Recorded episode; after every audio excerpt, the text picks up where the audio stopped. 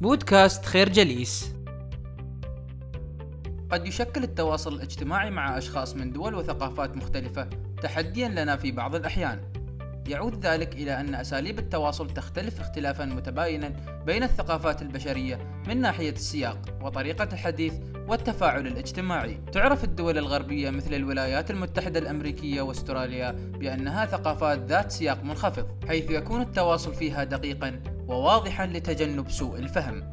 على النقيض فإننا نجد بأن التواصل في الثقافات عالية السياق في بلدان مثل اليابان أو كوريا أكثر دهاء وتعقيدا وغالبا ما يتطلب القراءة بين السطور لفهم ما يقصده المتحدث ومع ذلك ليس هناك بلد ذو مستوى منخفض أو مرتفع بنسبة 100% ونرى بأن ثقافات الدول تتراوح بين نوعي السياق هذين فالمدراء الفرنسيون على سبيل المثال يميلون إلى أن يكونوا أصحاب سياق مرتفع مقارنة مع المدراء الألمان لكنهم ينتمون إلى السياق المنخفض مقارنة بالمدراء الصينيين. وإذا بحثنا عن أسباب اختلاف سياق التواصل بين الثقافات نجد أن لها أصلا تاريخيا عريقا.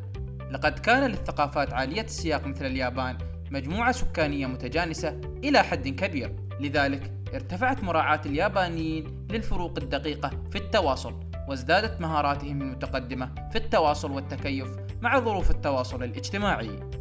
من ناحية أخرى فإن التاريخ الأمريكي أقصر بكثير من التاريخ الياباني ونجده أكثر تأثرا بالمهاجرين مما يتطلب أن يكون تواصلهم الاجتماعي صريحا لتجنب سوء الفهم.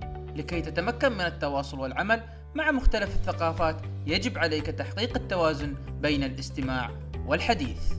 عند العمل مع الثقافات عالية السياق حاول الاستماع إلى المقصد وليس ما يتم التحدث به في الواقع. انتبه إلى التغيرات في لغة الجسد مثل اهتزاز الرأس وأساليب التحكم في لغة الجسد التي قد تحجب مقصد المتحدث.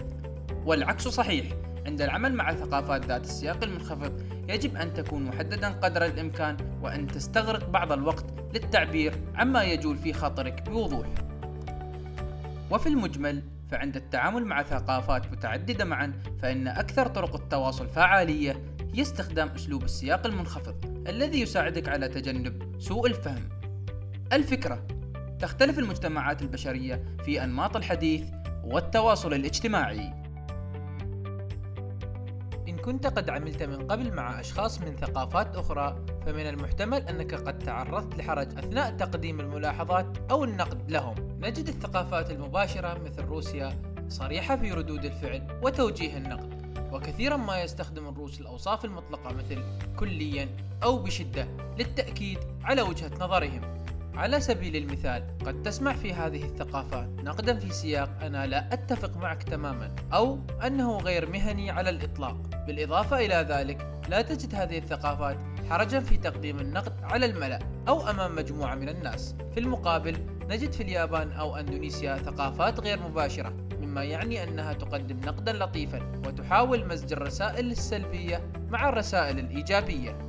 كما أنهم يستخدمون ألفاظا مثل نوعا ما أو ربما لتوصيل رسالتهم. على سبيل المثال قد تسمع نقدا يقول ربما ينبغي عليك إعادة النظر في رأيك قليلا.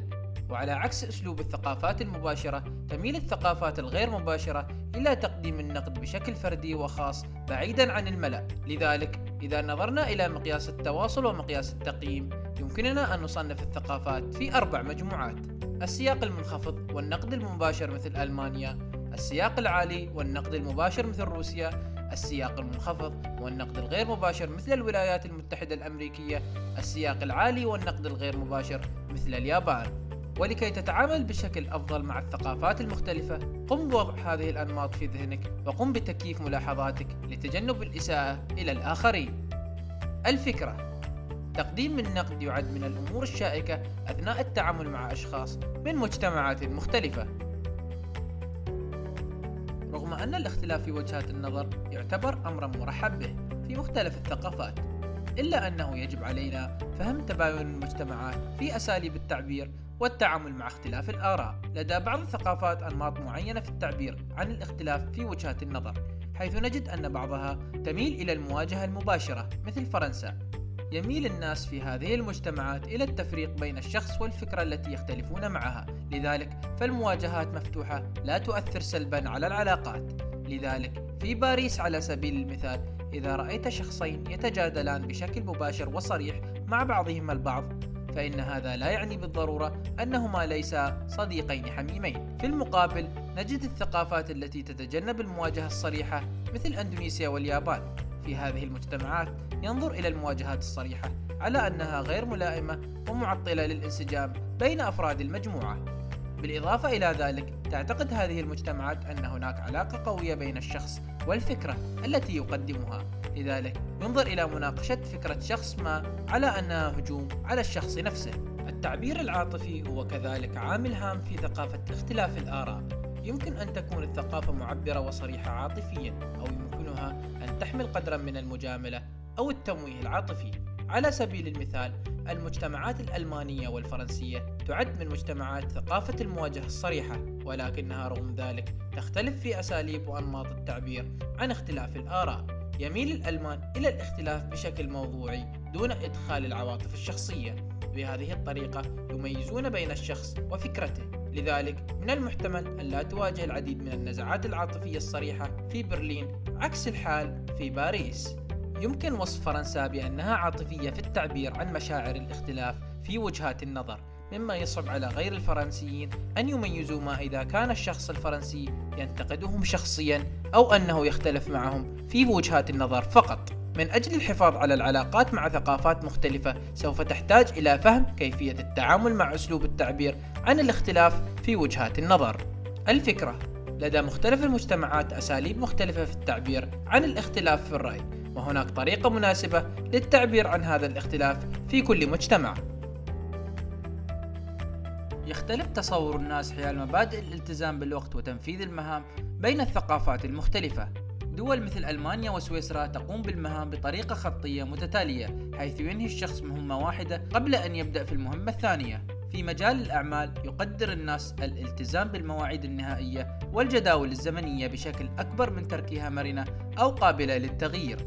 كما أن هذه المجتمعات تعتبر الانشغال بأمور أخرى أثناء القيام بمهمة ما من التصرفات الغير مهذبة. لذا فإن الإجابة على هاتفك الجوال أو الدردشة مع زميلك خلال الاجتماع يعطي انطباعا سلبيا في هذه المجتمعات. عكس ذلك فإن الثقافات المرنة مثل المملكة العربية السعودية تتعامل مع المهام بشكل آخر حيث يتم التعامل مع المهمة عند ظهورها ويمكن للشخص في هذه المجتمعات القيام بالعديد من المهام في نفس الوقت. في هذه المجتمعات يستطيع الناس القدرة على التكيف بشكل أكبر بكثير من القدرة على التنظيم والتنسيق، لذلك فإن المهام فيها تنفذ بصورة متوازية وليست خطية. فعلى الرغم من أنه قد يكون هناك جدول زمني محدد مسبقا فإنه من الشائع أن تحيد المناقشات عن الجدول المحدد أو أن تتشكل مجموعة فرعية وتتحول فيها النقاشات إلى مواضيع جديدة لم يكن مخطط لها في الجدول الزمني المحدد مسبقا. ولكي تتكيف مع أساليب الثقافات المختلفة في مجال إدارة الوقت والمهام فإنه يمكنك ملاحظة كيفية تعامل الأشخاص الذين تعمل معهم مع المهام ثم محاكاة هذه الأساليب بنفسك. على سبيل المثال بما أن الثقافات الخطية تلتزم بالجداول الزمنية فحاول أن تحكي ذلك عند تقديم جدول زمني للأشخاص الذين ينتمون لها. خطط اجتماعك بالتفصيل مع التأكيد على الالتزام بالمواعيد والالتزام بالموضوع المخطط له. عند العمل مع الثقافات المرنة خطط اجتماعك دون حدود محددة مسبقا. إذا كنت في منصب إداري لدى هذه المجتمعات فيجب عليك التكيف مع الاحتياجات عند ظهورها. الفكرة يختلف منظور المجتمعات لمفهوم الالتزام بالوقت وجدولة المهام اختلافا متباينا. نشكركم على حسن استماعكم. تابعونا على مواقع التواصل الاجتماعي لخير جليس، كما يسرنا الاستماع لآرائكم واقتراحاتكم، ونسعد باشتراككم في البودكاست.